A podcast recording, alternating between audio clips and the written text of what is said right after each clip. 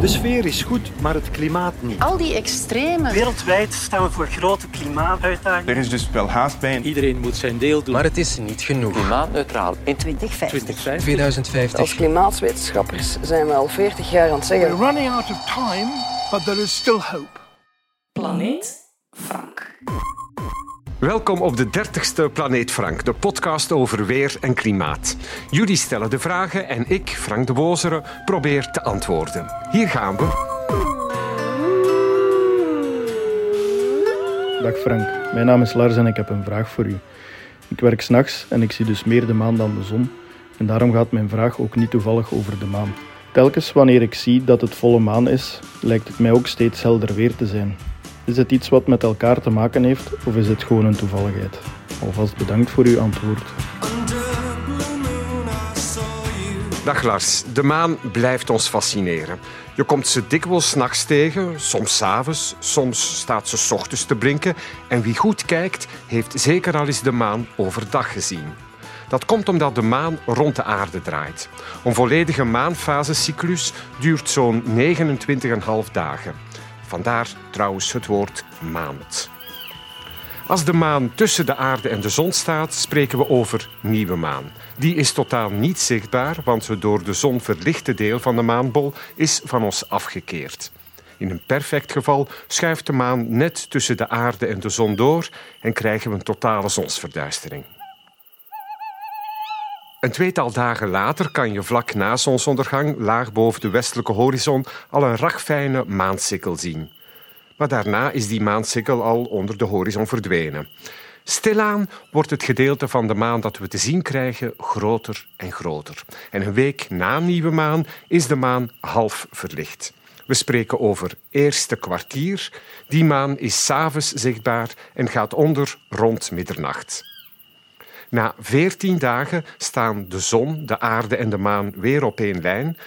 Van op aarde zien we de maan als een volledig verlichte bol, de volle maan. Die volle maan bevindt zich diametraal tegenover de zon. Op het ogenblik dat de zon ondergaat, komt de maan op. En aangezien de zon in de wintermaanden diep onder de horizon duikt, zullen we rond één uur s'nachts de maan dus hoog in het zuiden zien. Als de zon ochtends opkomt, zien we de volle maan aan de andere kant van de hemel ondergaan. Je voelt je dan als mens echt in het midden van het spektakel staan. Nog een week later is het laatste kwartier. We zien terug een halve maan, net de andere kant als bij eerste kwartier. Dat laatste kwartier is in de ochtenduren zichtbaar. De maan, de aarde en de zon maken een rechte hoek met elkaar. Vervolgens zien we ochtend na ochtend de maan verder afnemen. En zo'n 27 dagen na de nieuwe maan worden we ochtends voor zonsopgang nog even begroet door een smalle maansikkel boven de oostelijke horizon. Oké, we zijn rond. Hoog tijd om op de vraag van Lars te antwoorden. Is het bijna altijd helder bij volle maan? Wel, de enige periode waarin de maan een volledige nacht zichtbaar is, is precies rond volle maan. En dus heb je de hele nacht lang kans om de maan te zien. Eerste kwartier enkel s'avonds, laatste kwartier enkel s ochtends. En bovendien is de volle maan veel helderder dan een halve maan of een maansikkel. Je voelt me komen. Nee, er is geen verband tussen volle maan en helder weer. We hebben waarnemingen van meer dan 100 jaar en kunnen dus nagaan of er weerparameters zijn die veranderen met de maanfase, die een periode hebben van 29,5 dagen. Dat blijkt niet zo te zijn. Vorst met volle maan, dan kun je op de schaatsen gaan. Nieuwe maan met donkere vlekken kan tot bewijs van regen strekken. Noordenwind met volle maan kondigt een strenge winter aan. Allemaal mooie weerspreuken, maar het klopt dus niet. De maan is geen weervoorspeller. Mogelijk is er een verband tussen grote oceaanstromingen en de Saros. Dat is een periode van 18,6 jaar. Om de 18,6 jaar is de configuratie maan, aarde, zon vrijwel identiek. Maar dergelijke effecten staan los van de gewone maancyclus van 29,5 dagen. Let wel, de maan is uiterst belangrijk voor de aarde. Zonder maan geen getijden. Eb en vloed hebben er waarschijnlijk voor gezorgd dat het aardse leven, dat miljarden jaren geleden in zee ontstond, aan land is geraakt. Tot slot nog een tip van Planeet Frank. Kijk eens met een verrekijker naar de maan. Het is een wondermooie wereld.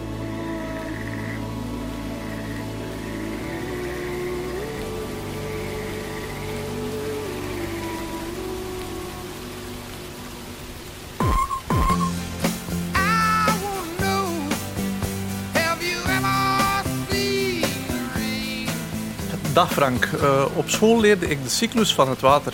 Water verdampt, komt in de atmosfeer terecht, vormt wolken, regent er weer uit, komt in de rivieren, vloeit naar zee en verdampt weer. Tijdens de grote droogte deze zomer is veel water verdampt. Dat moet op een andere plek toch weer naar beneden gekomen zijn. Of heeft het op meerdere plekken op de wereld dan Afghanistan zo hard geregend? Hoi, de watercyclus die je beschrijft is inderdaad superbelangrijk voor ons. In feite hebben we geluk. Water, H2O, is een molecuul die op aarde voorkomt als ijs, als vloeibaar water en als gas, als waterdamp. Hoe hoger de luchttemperatuur, hoe meer waterdamp in die lucht aanwezig kan zijn. En dus vinden we de meeste waterdamp in de tropen. De band met extreem veel waterdamp, de zogenaamde intertropische convergentiezone, die band beweegt mee met de seizoenen, ten noorden van de Evenaar als het zomer is in het noordelijk halfrond, ten zuiden van de Evenaar als het zomert in het zuidelijk halfrond. Het zorgt daar quasi dagelijks voor fel onweer en veel, heel veel regen. Bij ons in West-Europa is de hoeveelheid waterdamp het grootst in de zomer. De felste buien kunnen dus vallen in de zomermaanden. Herinner je de rampzalige overstromingen van juli 2021 in de Ardennen? De waterellente in het oosten en het zuiden van het land duurt voort. Op verschillende plaatsen zijn mensen uit hun huizen geëvacueerd. Er is ook sprake van slachtoffers. Maar andere zomers bleven de buien weg en was er grote droogte. Hoe kan dat? Wel, voor het antwoord moeten we kijken naar de klimaatveranderingen. In een opwarmend klimaat warmen de polen veel sneller op dan de evenaar. Het kleinere temperatuurcontrast tussen pool en evenaar zorgt ervoor dat de straalstroom meer gaat meanderen. De straalstroom. Die grote luchtrivier hoog boven ons hoofd bepaalt de ligging van drukgebieden. Als de straalstroom vertraagt, gaat hij meer golven en kronkelen, meanderen. Daardoor blijven weergebieden meer ter plaatse trappelen. De regenwolken verbonden aan depressies bewegen dan niet of nauwelijks, vandaar de soms grote neerslaghoeveelheden op één plaats, terwijl het verderop kurkdroog blijft. Meer over de straalstroom vind je trouwens in de vorige podcast van Planeet Frank. Sowieso is de regen heel ongelijk verdeeld over de wereld. Het kan vreemd klinken, maar wij behoren in feite tot de drogere gebieden. In veel regio's valt er jaarlijks meer regen, veel meer regen. Dat hangt dan voornamelijk samen met de temperatuur en met geografische barrières, met heuvels, met bergen. De regen die wij in 2022 te weinig hebben gekregen, is dus wel degelijk elders gevallen, soms met rampzalige gevolgen. In Pakistan was er waterellende van juni tot oktober 2022. Meer dan 1700 doden, 33 miljoen mensen werden getroffen, 10% van Pakistan stond onder water. Dat is ongeveer drie keer de oppervlakte van België onder water.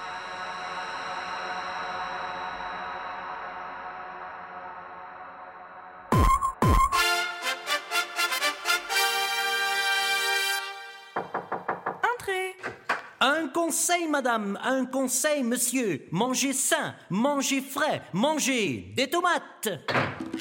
Dag Frank, met Patrick Joris uit Mol. In de serreteelt, tomaten, paprika's, aardbeien, worden gigantische hoeveelheden, zelfs tonnen CO2 gebruikt om de plantengroei te bevorderen. Hoe lang blijft dat nog ecologisch verantwoord alsjeblieft? Mange des tomates, mon amour.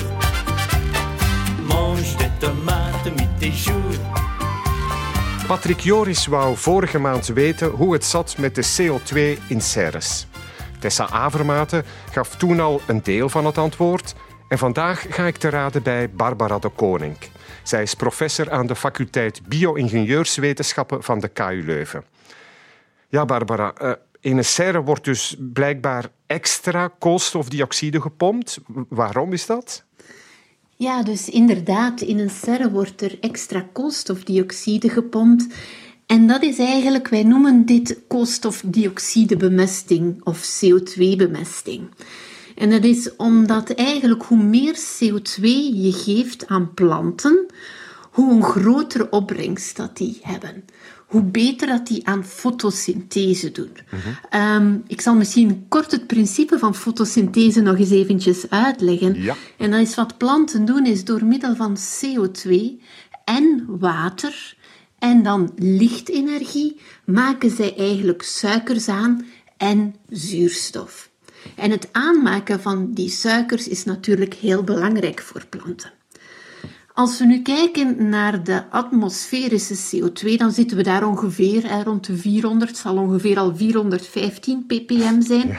Maar planten kunnen eigenlijk nog veel meer biomassa creëren als we hun meer CO2 geven. En daarom gaan ze in serres vaak extra CO2-bemesting doen, tot zelfs 800 à 1000 ppm. En dan resulteert dit in ongeveer een 20 tot soms zelfs 40 procent meer opbrengst. Daarom wordt er dus in serres aan CO2-bemesting gedaan. Mhm.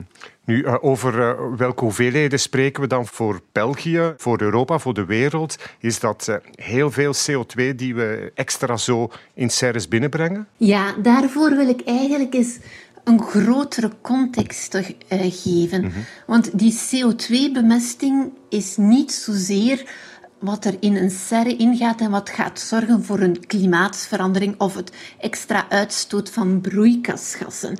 Um, CO2 is sowieso inherent aan onze glastuinbouw.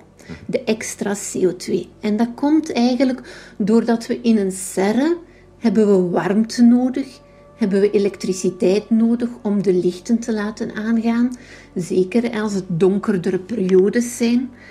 En die CO2 die komt eigenlijk vrij bij het verbranden van fossiele brandstoffen. In een serre maken ze gebruik van bijvoorbeeld warmtekrachtkoppelingen mm -hmm. of een WKK.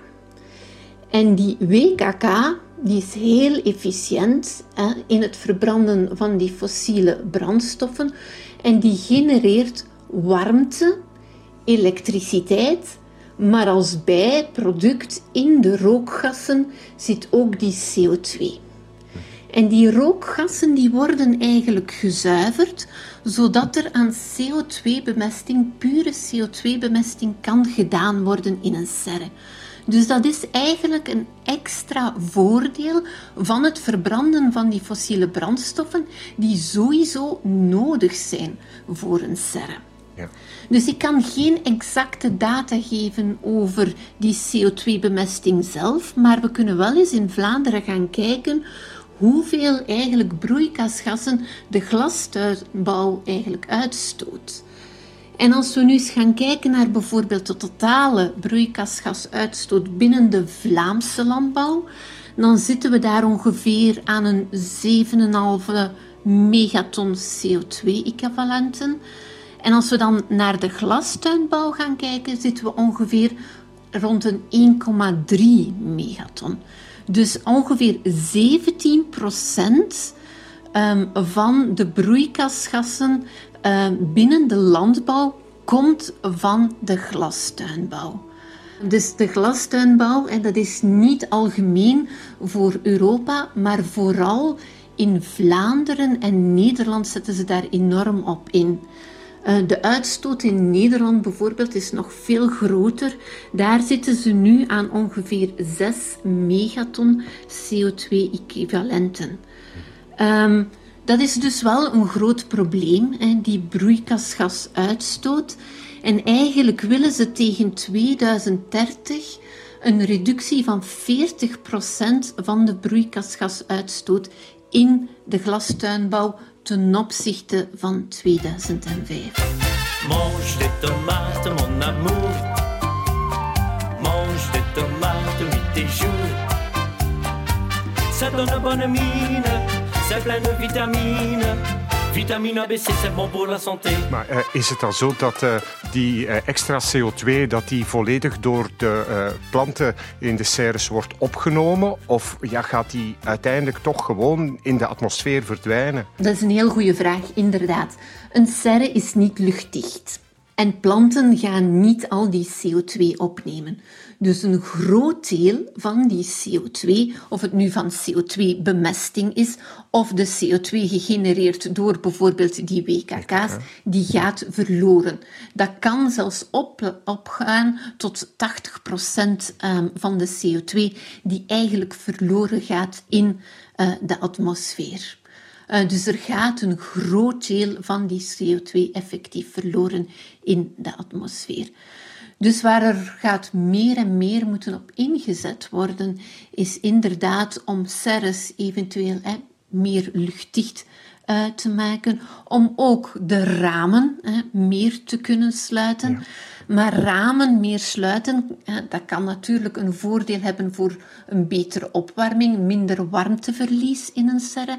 Maar langs de andere kant kan het ook voor, ervoor zorgen dat er te veel condens is in een serre, wat ook niet goed is. En nu zijn er heel wat nieuwe technieken waar meer en meer op ingezet worden in een serre om minder CO2-productie te hebben en toch een optimale groei te hebben van de planten. Uh, Barbara, klimaatnegationisten die zeggen vaak dat uh, meer CO2 dat dat, uh, prima is, want dat, dat leidt tot een groenere wereld. is dat inderdaad dan zo? Is meer CO2 goed voor de natuur? Of hoe, hoe, moeten we dat zien? Ja, hier wil ik ehm, inderdaad een genuanceerd antwoord op geven. Meer CO2 heeft al geleid hè, tot meer groen, mm -hmm. tot meer biomassa-productie. Als we in ideale omstandigheden kijken, uh, kan meer CO2 leiden tot 20, 30 procent meer biomassa-productie van planten. Maar als we nu kijken naar planten, die hebben niet enkel CO2 nodig. Die hebben ook nog mineralen nodig, nutriënten nodig, water nodig. Mm -hmm. Belangrijkste nutriënten zijn bijvoorbeeld stikstof, fosfor, maar ook ijzer bijvoorbeeld hebben planten nodig. En die componenten die zijn niet altijd in voldoende mate aanwezig. En dus meer CO2 kan omwille van bepaalde omstandigheden niet altijd tot meer biomassa gaan leiden. Um, en dit um, in een serre, in optimale omstandigheden, waar we perfect die nutriënten kunnen toevoegen, daar gaat een plant sowieso meer biomassa produceren. Maar buiten, bijvoorbeeld in een bos of uh, in een ander een akkerteelt, is het niet altijd zo evident om die grotere biomassa-productie te hebben, omdat je daar een limiterende factor hebt van bijvoorbeeld stikstof, fosfor, ijzer en zo verder. We weten niet, en hoe langer hoe meer tonen ze dit nu aan, of dat onze bodem eigenlijk voldoende nutriënten heeft om aan die biomassa-productie eh, te gaan voldoen. En ik wil hier ook nog een, een recente studie eigenlijk bijhalen die heel interessant was, ja. waarbij ze inderdaad konden aantonen dat er meer biomassa-productie is, maar waarbij ze ook gezien hebben dat onze planten, onze gewassen dan specifiek, veel minder voedzaam zijn. Doordat er bijvoorbeeld minder nutriënten kunnen opgenomen worden. Dus er is inderdaad meer biomassa, maar het metabolisme van die opname van andere nutriënten, die kan niet volgen. Zeker in omstandigheden waar er te weinig nutriënten in een bodem aanwezig zijn. En men heeft zelfs gezien dat er bijvoorbeeld hè, stikstof is een heel belangrijke component om eiwitten aan te maken. En men heeft zelfs gezien dat in die planten, ondanks meer biomassa, dat er eigenlijk 20 tot 30 procent minder eiwitten zitten. 20 tot 30 procent minder eiwitten wil zeggen dat die, die gewassen veel minder voedzaam zijn. En minder voedzaam wil zeggen dat we veel meer van die gewassen zullen moeten eten om voldoende voedingsstoffen binnen te hebben. Dus het verhaal is veel genuanceerder dan te zeggen van kijk, CO2, eh, een hogere CO2-productie, die zal ervoor zorgen dat we meer uh, planten hebben, meer biomassa, is veel genuanceerder. En ik denk dan bovendien dat door de eh, extra CO2, als je ziet dat er klimaatverandering komt, ja, dat die planten dan niet noodzakelijk ja, evenveel water gaan krijgen of ja, ze komen in andere temperatuursomstandigheden terecht, dat dat zo optimaal is voor, voor die verschillende gewassen. Dat is inderdaad, en dat is nog een volgende aspect. Hè. We kunnen wel hè, meer CO2 hebben in de lucht, maar er, de klimaatsverandering heeft zoveel andere negatieve impact op de plant dat dit veel meer gaat doorwegen. Zoals de droogte, zeker, hitte, hogere temperaturen, Um, ook meer regio's waar er veel meer zouten aanwezig zijn in de bodem. In onze regio, zoals we nu gezien hebben, ook al is het de onvoorspelbaarheid van het weer. Het ene jaar hebben we heel hoge temperaturen, grote droogtes. De andere jaren is het veel natter. We hebben vorst uh, op bepaalde tijden in het seizoen dat we eigenlijk niet meer verwachten. Onze planten komen vroeger in bloei, dan komt er toch nog een vorstperiode die ook een negatief effect heeft. Dus eigenlijk al die andere effecten van klimaatverandering gaan nog een veel grotere impact hebben op onze plantengroei. Perfect. Uh, dank u wel, Barbara. Dat was een klare en duidelijke uitleg. Einde van de 30ste Planeet Frank. Jullie vragen zijn altijd welkom via het invulformulier op de site, via hashtag Planeet Frank of e-mail naar planeetfrank.vrt.be. C'est bon pour la santé. Tot volgende maand. Mange des tomates, mon amour. Mange des tomates tous les jours.